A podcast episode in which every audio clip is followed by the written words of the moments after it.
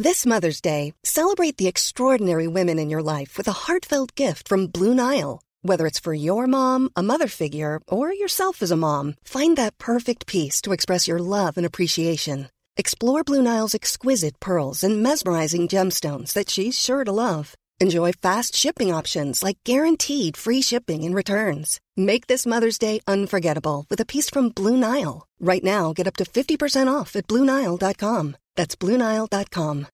Millions of people have lost weight with personalized plans from Noom, like Evan, who can't stand salads and still lost 50 pounds. Salads, generally, for most people, are the easy button, right? For me, that wasn't an option. I never really was a salad guy. That's just not who I am. But Noom worked for me. Get your personalized plan today at Noom.com. Real Noom user compensated to provide their story. In four weeks, the typical Noom user can expect to lose one to two pounds per week. Individual results may vary. Burrow's furniture is built for the way you live. From ensuring easy assembly and disassembly to honoring highly requested new colors for their award-winning seating, they always have their customers in mind. Their modular seating is made out of durable materials to last and grow with you. And with Burrow, you always get fast, free shipping. Get up to 60% off during Burrow's Memorial Day sale at burrow.com slash ACAST. That's burrow.com slash ACAST. burrow.com slash ACAST. Palmemordet. Mannen som mördades.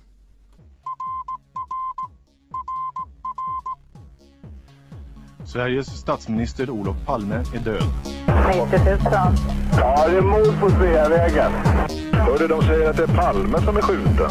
Mordvapnet med säkerhet är en Smith Wesson, en revolver kaliber .357. Inte ett svar. Finns inte ett svar. För jag har inget och jag har inte varit Varför skulle jag Polisen söker en man i 35 till 40-årsåldern med mörkt hår och lång mörk rock. Välkomna till podden Palmemordet som idag görs av mig, Tobias Henriksson på PRS Media. Glöm inte att ni kan sponsra oss och se till att vi kan göra extra bra avsnitt samt fortsätta med de stora spåren. Gå in på patreon.com palmemordet för att donera en summa som podden får per publicerat avsnitt. Och som vanligt, det är patreon.com palmemordet. I snart 300 avsnitt har vi granskat vad som egentligen hände kring och efter mordet på Sveriges statsminister Olof Palme. Men hur kom det sig att han hamnade i en situation där hans liv var hotat? Vad formade honom till den han var? Och varför var han antingen älskad eller hatad av Sveriges och världens befolkning? Kort sagt, vem var personen och politikern Olof Palme? I det här avsnittet ska vi försöka ge ett svar på den frågan och på så sätt också försöka förstå varför hans liv slutade som det gjorde den där kalla fredagskvällen den 28 februari 1986. En del av den här informationen kommer kanske inte som någon nyhet för de flesta lyssnarna, men kanske finns det också ett och annat som förklarar den polarisering som fanns runt Olof, både i Sverige och internationellt.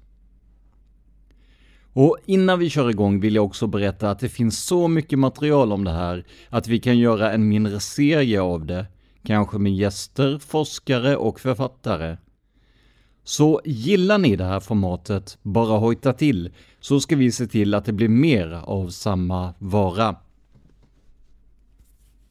Sven-Olof Joakim Palme föddes på Östermalm i Stockholm och växte upp i familjens våning på Östermalmsgatan 36. Han var son till Gunnar Palme, vid den tiden verkställande direktör för försäkringsbolaget Thule, och Elisabeth von Kneriem. Olofs farmor, Hanna von Born, var av finlandssvensk adel och mamman tillhörde en balttysk köpmannafamilj. Elisabeth von Kneriem föddes i Livland, en del av nuvarande Estland och Lettland, och kom till Sverige som flykting 1915. Olof Palme visade tidigt prov på ett bra språköra och talade redan som fyraåring franska med sin barnsköterska, tyska med sin mamma och svenska med sina syskon Klas och Katarina. I syskonskaran ingick även halvbrodern Sture Gunnarsson.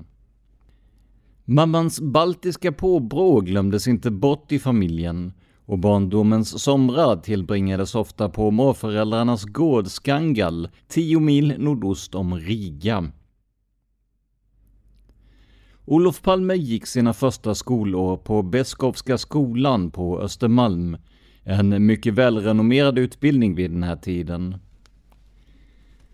Skolan har under åren utbildat så olika personer som tidigare statsministern Hjalmar Branting, Sven Hedin, Verner von Heidenstam och visångaren Sven-Bertil Taube. Ett annat namn som är intressant i det här sammanhanget är filmregissören Arne Suxdorf, som också gått på skolan som ung. För kanske ger namnet associationer till utredningen och den så kallade Suxdorf-revolvern. Det här var en revolver av typen Smith Wesson modell 28 kallad Highway Patrolman med 8 tums pipa. Den har vid olika tillfällen förekommit som ett av de intressanta vapnen i just Palmeutredningen. Vapnet stals den 17 december 1977 hos Arne Suxdorf och såldes några dagar efter inbrottet för 2000 kronor på krogen Old Baller. Personen som stal vapnet var en vän till knarkhandlaren Sigge Cedergren. Cedergren avslöjade senare på sin dödsbädd att han lånat ut ett vapen av samma typ till Christer Pettersson två månader innan Palme mördades.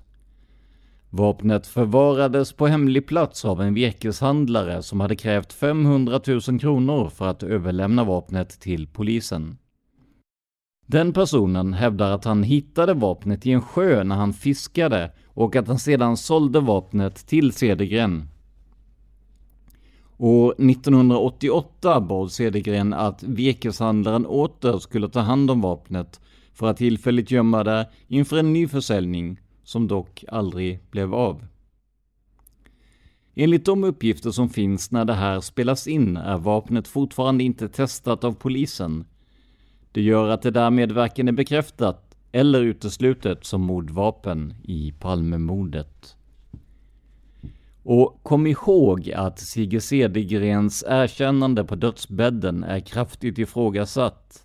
Det här kan ni höra mer om i avsnitt 206 som heter Mytmosarna del 4 med sanningen som alibi. Men åter till Beskowska skolan. Som ni hörde visade Olof Palme tidigt prov på såväl språköra som intelligens och han fick därmed hoppa över första klass för att börja direkt i årskurs 2. Och det här gjorde han våren 1934. Vid tio års ålder skrevs han in vid Sigtuna humanistiska läroverk. 1944 tog Olof examen med genomsnittsbetyget stort A det högsta betyget som gick att få vid den här tiden. Efter en tid som skribent på Svenska Dagbladet var det hösten 1944 dags att rycka in i militärtjänstgöring som avverkades vid sjätte skvadronen vid Norrlands dragonregemente K4 i Umeå. Han började sedan på aspirantskolan vid K3 i Skövde och blev efter några månader sergeant och i november 1948 Fänrik i kavalleriets reserv. Efter krigsslutet fortsatte Palme sina studier i USA där han 1948 blev Bachelor of Arts vid Kenyon College. Han återvände senare till Sverige och studerade juridik. Juristexamen tog han vid Stockholms högskolan 1951. Efter ett år som ordförande i Sveriges förenade studentkårer började han 1953 att arbeta som första byråsekreterare vid försvarsstaben i statsminister Tage Erlanders regering. Om man tittar på Olof Palmes liv så här långt så verkar det ju ytterst privilegierat. Han kom ifrån en framgångsrik familj med långa anor inom den högre societeten och bodde på Östermalm. Han gick i fina skolor och levde kort sagt ett gott liv. Det naturliga kan man ju tycka vore att han skulle företräda ett parti mer till höger, som till exempel Moderata samlingspartiet. Men så blev det som ni vet inte. Olof Palme förklarade själv att det var tre viktiga händelser som gjorde att han blev socialdemokrat. Den första var skattedebatten i Stockholms konserthus 1947 mellan socialdemokraten Ernst Wigforss, högerpartiets Jarl Hjalmarsson och Folkpartiets Elon Andersson. Den andra var USA-vistelsen 1948 då de stora klassklyftorna där uppdagades för honom. Det tredje var en Asienresa 1953 när han ställdes inför kolonialismens konsekvenser. I de båda sista exemplen sa han sig ha sett den lilla människans lidande och den orättvisa som vår värld ägde. Detta fick honom att vilja kämpa för en mer rättvis och jämlik värld. Huruvida detta är hela sanningen, ja det är det såklart svårt att sia om, då uppgifterna kommer från honom själv. Kritiker menar att Socialdemokraternas dominerande position i svensk politik gjorde partiet till det enda alternativet för vinnarskallen Olof Palme, i den händelse han ville stiga graderna inom politiken. Och det gjorde han ju, som vi alla vet. Olof Palmes politiska bana kan sägas ha börjat 1954 då han avancerade och blev sekreterare i statsrådsberedningen. Och det här var han fram till 1961. Åren 61 till 63 var Palme även byråchef där. Han var också styrelseledamot för ABF 1955 till 1961 Palme valdes in i riksdagens första kammare och satt där mellan 58 och 68 som socialdemokratisk representant för Jönköpings län. Han kom också att sitta i andra kammaren för Stockholms stad 1969 till 1970. Inte helt otippat satt han i nämnden för internationellt bistånd 1962 till 1963 en post och placering som kom att påverka hans politik hela vägen fram till hans död. Men det här med första och andra kammaren, vad är det egentligen? Många har säkert hört begreppen, men kanske inte har järnkoll på vad det innebär. Tvåkammarsystemet infördes i Sverige 1866 och fanns i bruk hela tiden fram till 1971. Den kom att bli en efterföljare till det vid den här tiden ganska omoderna ståndssystemet med adel, präster, borgare och bönder. Vårt broderland Norge hade till exempel haft sitt storting redan sedan 1814. Kort förklarat kan man säga att representanterna i andra kammaren röstades fram direkt av de som hade rösträtt de som satt i första kammaren röstades in av ledamöter i landets landsting och vissa större städer. Men vilka röstade då fram personerna till andra kammaren? Ja, fram till 1921 var det i alla fall inte kvinnorna. För allmän rösträtt för kvinnor klubbades igenom först genom två grundlagsbeslut, 1919 och 1921, och det var alltså till valet till andra kammaren i september 1921 som kvinnor för första gången fick rösta om vilka som skulle bestämma i deras land. Men nog om det. Nu tillbaka till avsnittets huvudperson. Palmes inträde i regeringen kom den 19 november 1963 då han blev konsultativt statsråd i statsrådsberedningen. Redan två år senare utsågs han till statsråd och chef för kommunikationsdepartementet för att därefter avancera till posten som ecklesiastikminister 29 september 1967. Men vad är då egentligen en ecklesiastikminister? Idag känns ju ordet helt främmande, men då var det en ytterst reell post. I korthet kan sägas att ecklesiastikdepartementet och ecklesiastikministern behandlade frågor som gällde kyrka och utbildning. Bland dessa fanns bland annat kyrkliga och prästerliga frågor, kultur, allmän uppfostran, arkiv, bibliotek, akademier, museer, utbildning och forskning. Idag har den här posten ombildats och det närmaste vi kommer är att vi har en utbildningsminister. Och i och med just ombildningen av posten så blev Palme Sveriges sista ecklesiastikminister eftersom departementet 1968 bytte namn till Utbildningsdepartementet. Palmes väg till makten nådde sin topp den 1 oktober 1969 då han valdes till ny partiordförande för Socialdemokraterna efter Tage Erlander vid partikongressen i Stockholm. Nu var överklasspojken från Östermalm ledare för Sveriges på den tiden största arbetarparti. En märklig resa kan man tycka, men en resa som vare sig man tycker om det eller inte förändrade Sverige för all framtid. Till det bättre, säger många, men nästan lika många menar att Palme kom att försämra vårt land senare i sitt liv.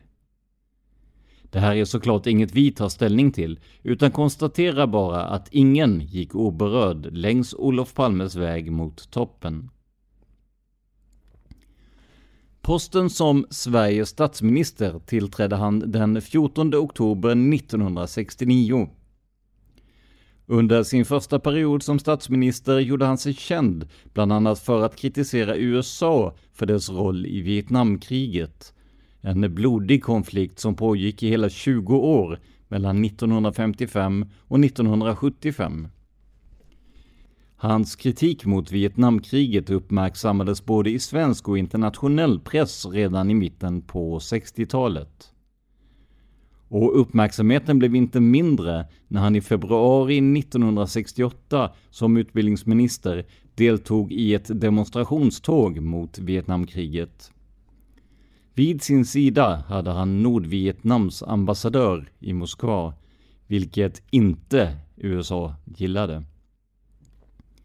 Ett litet neutralt land ska inte ta ställning i sådana här frågor, ansåg man, och kallade omedelbart hem sin ambassadör för konsultation. Vi kommer att återvända till Vietnamkriget och Palmes protester mot detta lite senare, men låt oss först fortsätta på det inhemska planet en stund. För 1970 var det dags för Olof Palmes första riksdagsval som statsminister. Trots att man backade med 4,8 procentenheter från det förra valet fick man 45,34 procent av rösterna i valet och Olof Palme kunde sitta kvar som statsminister. Med tanke på att Olof Palme var Sveriges högst uppsatta politiker så var det många som trodde att han skulle tona ner retoriken vad gäller bland annat Vietnamkriget. Men tvärtom. I sitt jultal 1972 gick han till hård konfrontation med USA och deras göranden och låtanden i Vietnamkriget. Palme ringde personligen in uttalandet till tidningarnas telegrambyrå TT. Och det sändes sedan i programmet Lunchekot i Sveriges Radio den 23 december 1972. Vi ska lyssna på slutet av talet som tillgängliggjorts av Utbildningsradion och som publiceras av retorik.com. Och när man hör det här idag förstår man verkligen de allt annat än muntra reaktionerna från USAs sida. Därför är bombningarna ett illdåd. Och av det har vi många exempel i den moderna historien. Och de är i allmänhet förbundna med ett namn. Guernica, Oradour, Babi Katyn, Lidice, Sharpeville, Treblinka.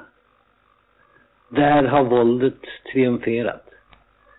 Men eh, eftervärldens dom har fallit hård över dem som burit ansvaret.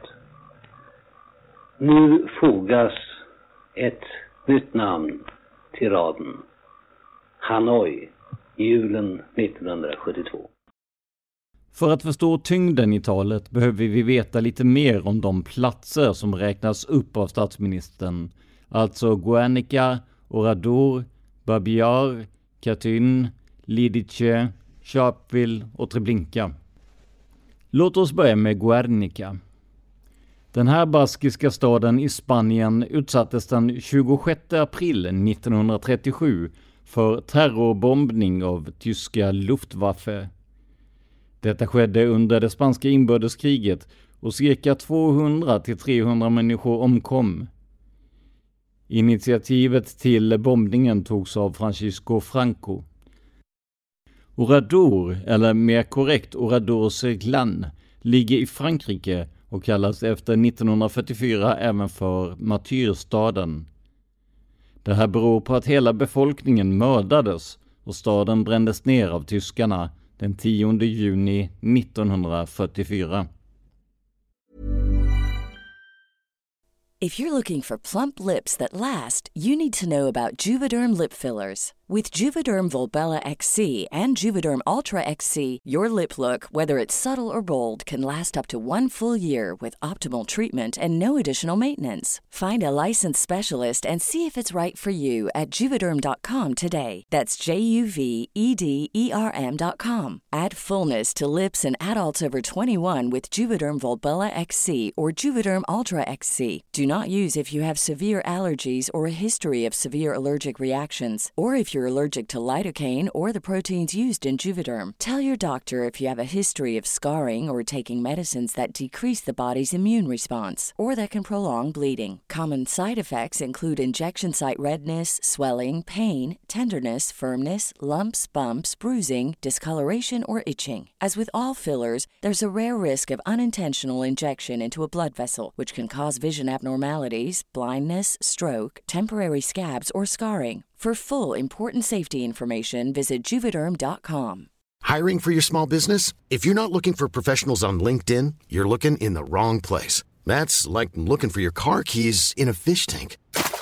LinkedIn helps you hire professionals you can't find anywhere else, even those who aren't actively searching for a new job but might be open to the perfect role. In a given month, over 70% of LinkedIn users don't even visit other leading job sites. So start looking in the right place. With LinkedIn, you can hire professionals like a professional. Post your free job on linkedin.com slash people today. Flexibility is great. That's why there's yoga. Flexibility for your insurance coverage is great too. That's why there's United Healthcare Insurance Plans. Underwritten by Golden Rule Insurance Company, United Healthcare Insurance Plans offer flexible, budget friendly coverage for medical, vision, dental, and more.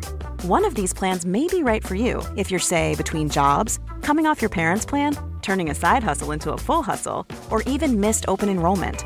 Want more flexibility? Find out more about United Healthcare Insurance Plans at uh1.com. Massakern i Babjar är ett synnerligen hemskt exempel på vad våra medmänniskor kan ta sig till.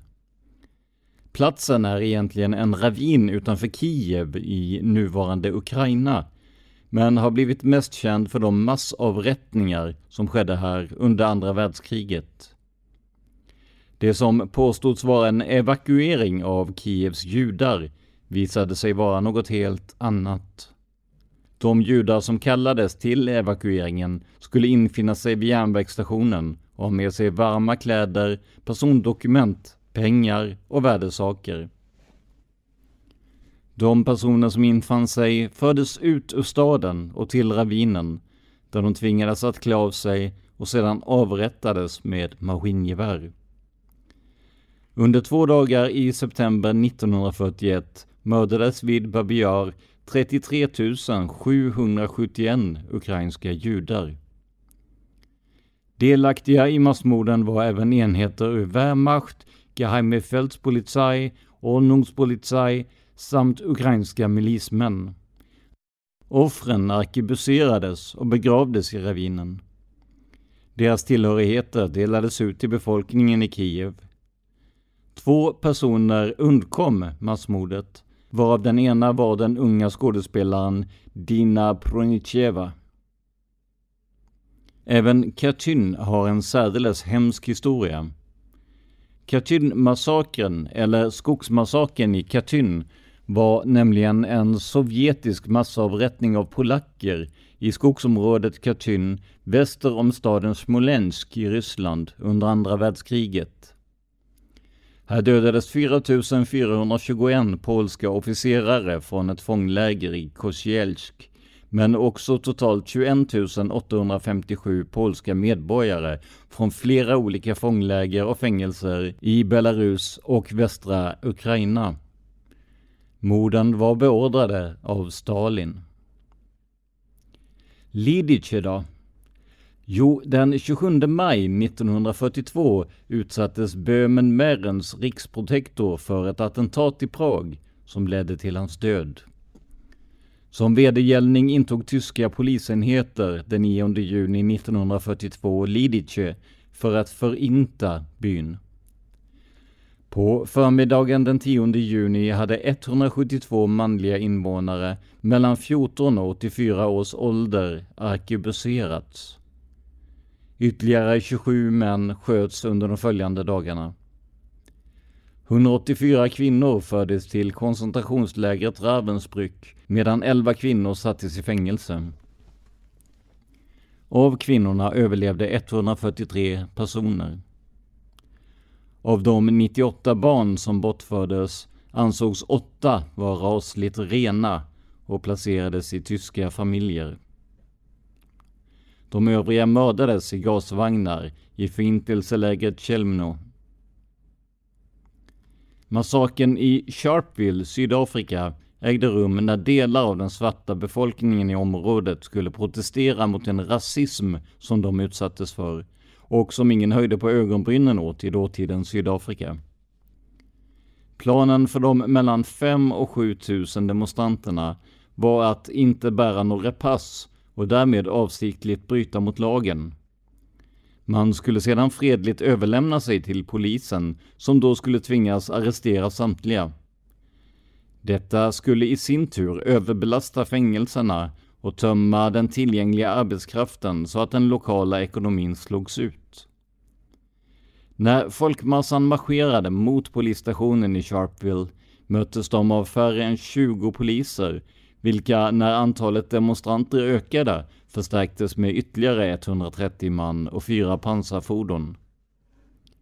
Stämningen övergick snart till att bli mycket spänd. Polisen, som även normalt sett behandlade svarta demonstranter mycket strängt, beväpnade sig med gevär och kulsprutor medan några av demonstranterna beväpnade sig med stenar.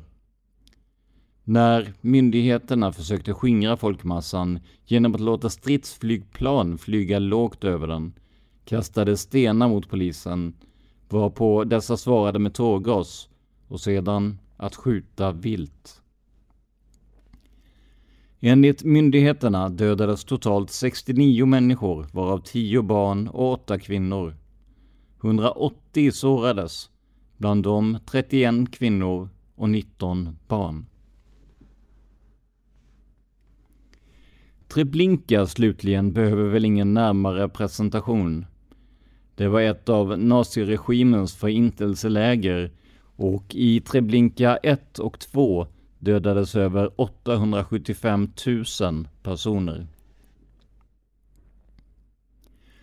Det kan kanske kännas överflödigt att ta upp alla de här platserna, men det har ett syfte. För alla Olof Palmes exempel har en sak gemensamt. På de här platserna skedde outhärdligt grymma dåd mot människor som var svagare eller hade fel etnicitet eller hudfärg.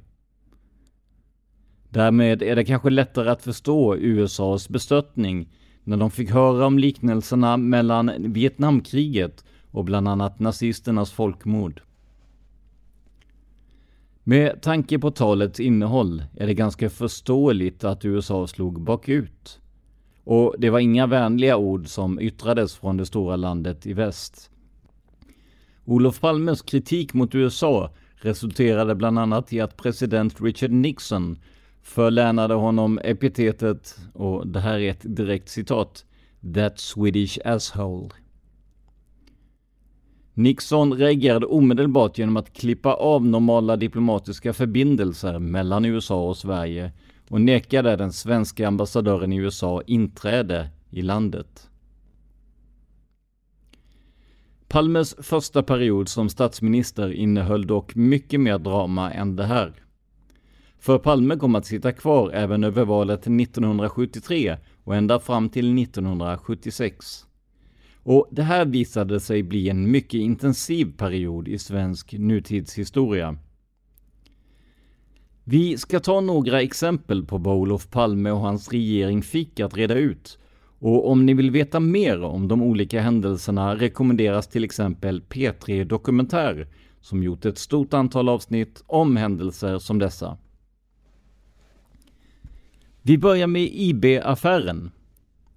IB var från början en hemlig organisation underställd försvarsstaben och dess mål var att sköta så kallad informationsinhämtning, framförallt från eh, utlandet. Men med tiden visade det sig att det inte var allt som de sysslade med. Journalisterna Peter Bratt och Jan Guillou på tidningen Folket i Bild Kulturfront lyckades avslöja att IB också ägnade sig åt åsiktsregistrering av vänstersympatisörer och kommunister inom landets gränser. Även om uppgifterna var graverande så hände det inte så mycket medialt efter avslöjandet. Men kort efter greps Bratt och Guillou för spioneri och dömdes senare för detta. Genast fick publiceringen och rättsaffären större spridning. Vi går vidare till det som kallas för bordellhärvan, trots att det inte fanns någon fysisk bordell. 1976 hade rikspolischef Carl Persson skickat en promemoria till statsminister Palme med andemeningen att justitieminister Lennart Geijer tillsammans med en rad andra högt uppsatta personer agerat på ett sätt som kunde ha skadlig verkan för Sveriges säkerhet. Just vad gäller Geijer så misstänktes han för att ha köpt sexuella tjänster av prostituerade med anknytning till främmande makts underrättelsetjänst på en bordell driven av Doris Hopp. Nu var det ju som sagt ingen bordell utan en slags callgirl-verksamhet där kunder ringde till Doris och hon försåg dem med tjejer för sexuella ändamål. Men jag antar att bordellhärvan låter bättre än kopplerihärvan. När promemorians innehåll läckte ut, bland annat med hjälp av allas vår Leif GW Persson som jobbade för rikspolischefen, blev det inte bara en skandal av stora mått, utan också en härva av lögner och dementier. Palme själv försvarade sin justitieminister med de berömda orden Snus är snus och strunt är strunt, om än i polisiära promemorior. Men senare kunde det avslöjas att promemorian faktiskt existerade och att politikerna, inklusive Palme, ljugit om dess existens. Men det är viktigt att betona att även om misstankar fattats om könshandel så är det inget som har gått att bevisa. Det enda vi vet är att promemorian med misstanken om detta existerar. Ovanpå allt detta kom rent politiska svårigheter som Norrmalmstorgsdramat och sprängningen av västtyska ambassaden i Stockholm. Slutligen kom också striden om kärnkraften att påverka valet 1976 och också resultatet av detta. För när dammet lagt sig var Torbjörn Fälldin, Centerpartiet, ny statsminister och Olof Palme fick tillbringa de kommande två mandatperioderna i opposition. För inte heller 1979 lyckades Socialdemokraterna vinna tillbaka makten, utan det var först 1982 som det återigen var Olof Palmes tur att bli landets högsta styrande politiker. Men Palme var inte overksam trots bristen på politiskt inflytande. Bland annat utsågs han 1980 till medlare i kriget mellan Iran och Irak. Och 1982 kom den så kallade Palmekommissionen med sitt utlåtande om samma medlingsförsök. Men valet 1982 blev en framgång för socialdemokratin och Palme, där den senare återigen kunde titulera sig statsminister. Men det var en orolig tid i svensk politik och det hela började redan 1981. För inte långt från där jag spelar in detta nu, i Karlskrona skärgård, gick nämligen en rysk ubåt på grund det året.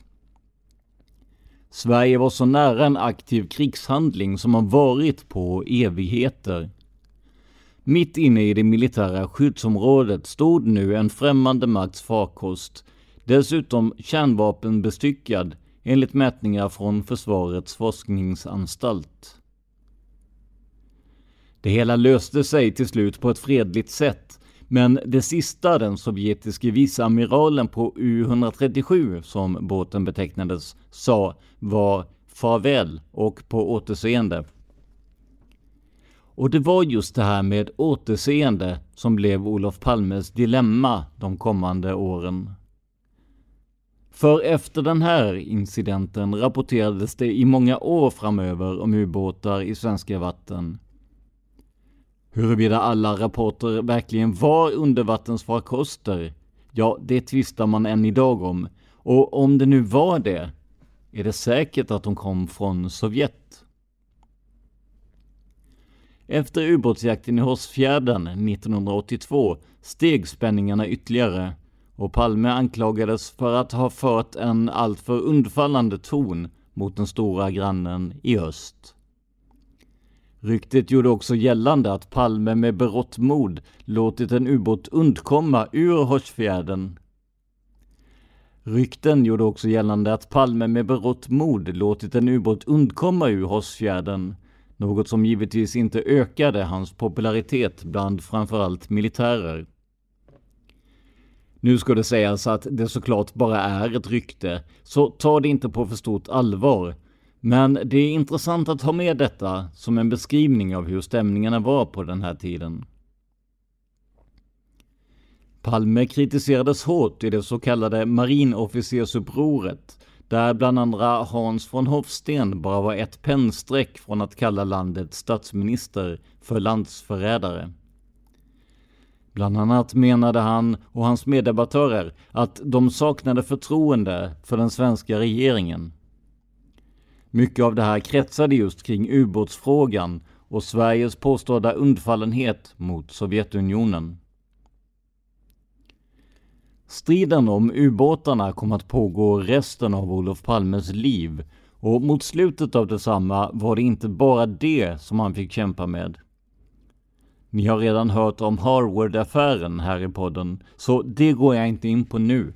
Men låt oss istället titta på ett lagförslag som kom bara tre månader innan Olof Palmes död. Den 28 november 1985 föreslogs det nämligen att polisen vid en eventuell ockupation skulle övergå till att sköta ordningen i landet och alltså inte längre göra motstånd. Det här förslaget väckte kraftiga reaktioner bland såväl poliser som hemvärnet. Man ansåg att man genom detta förslag blev en slags påtvingade medlöpare till den ockuperande makten, som i det här fallet antogs vara Sovjetunionen. Bland annat citerar Sven Anér den före detta hemvärnschefen Lennart Nilsson om detta. Citat. Det var ju fullkomligt vansinnigt. Man eh, talade om att en ockupationsmakt skulle ta polisen i anspråk och så skulle polisen gå över till fienden, ockupanten. Det var ju heller ingenting som polisen såg fram emot. Slut citat. Så den sista tiden i Olof Palmes liv präglades alltså av strider, oenigheter och rykten om landsförräderi. Med den bakgrunden är det kanske inte så konstigt att saker och ting gick som de gick. För även om det inte finns något som helst bevis för att Palme på något sätt föll undan för ryssen, så ska man aldrig underskatta den folkliga ilskan. Ett rikt politiskt liv kom till ända den 28 februari 1986 när Sveriges statsminister sköts till döds på öppen gata. 30 år senare startade en podd om mordet. En podd som till slut också berättat en del av historien om människan Olof Palme.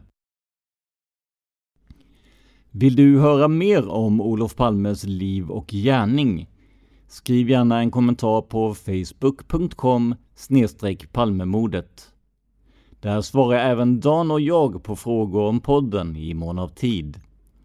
Och när vi inte har tid att svara så är det oftast en massa andra lyssnare som har kloka insikter att dela med sig av i ämnet. Om du vill höra mer om stämningarna kring tiden för Palmemordet kan du lyssna på avsnittet Palmehatet eller på några av de intervjuer vi gjort som beskriver det här. Glöm till sist inte heller att du kan sponsra oss. Det gör du lättast via patreon.com palmemodet eller genom att följa länkarna i avsnittsbeskrivningen. Det här var veckans avsnitt av podden Palmemordet som idag gjordes av mig, Tobias Henriksson på PRS Media. För mer information om mig och mina projekt besök facebook.com prsmedia.se eller gilla oss på Instagram där vi heter PRS Media. Ett ord, små bokstäver. Och till er som väntar på uppdateringar från mig eller mina egna poddar. Det kommer. Men på sistone har jag haft administrativt ansvar på mitt ordinarie jobb samtidigt som jag producerat avsnitt, så det har inte blivit någon tid över. Men såväl Tänk om som Minuter med mod finns kvar och de kommer att få se nya avsnitt så fort allt lugnat ner sig lite. Stort tack till alla som hjälper oss att överleva genom donationer, tips och annat. Men framför allt, stort tack för att du lyssnar på podden Palmemordet. Man hittar Palmes mördare om man följer PKK-spåret till botten. Därför att ända sedan Julius Caesars tid har det aldrig hört talas om ett mord på en framstående politiker som inte hade politiska skäl. Polisens och åklagarens teori var att han ensam hade skjutit Olof Palme. Och det ledde också till rättegång. Men han frikändes i hovrätten.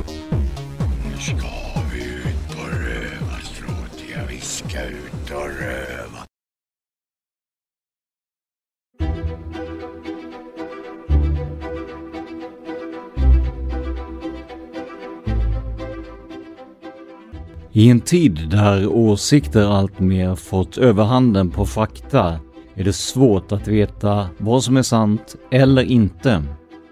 Det är här jag kom in i bilden.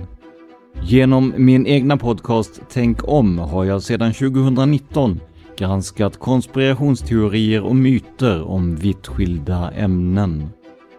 Bland de gäster jag har haft med finns den inte helt obekanta Dan Hörning som både pratat om Storsjö och djuret och seriemördare med mig. Så skaffa dig fakta på ett underhållande och lärorikt sätt. Sök på Tänk om i valfri poddapp och börja din kryssning mellan konspirationsteorier och fakta. Jag heter Tobias Henriksson. Välkommen att lyssna på Tänk om.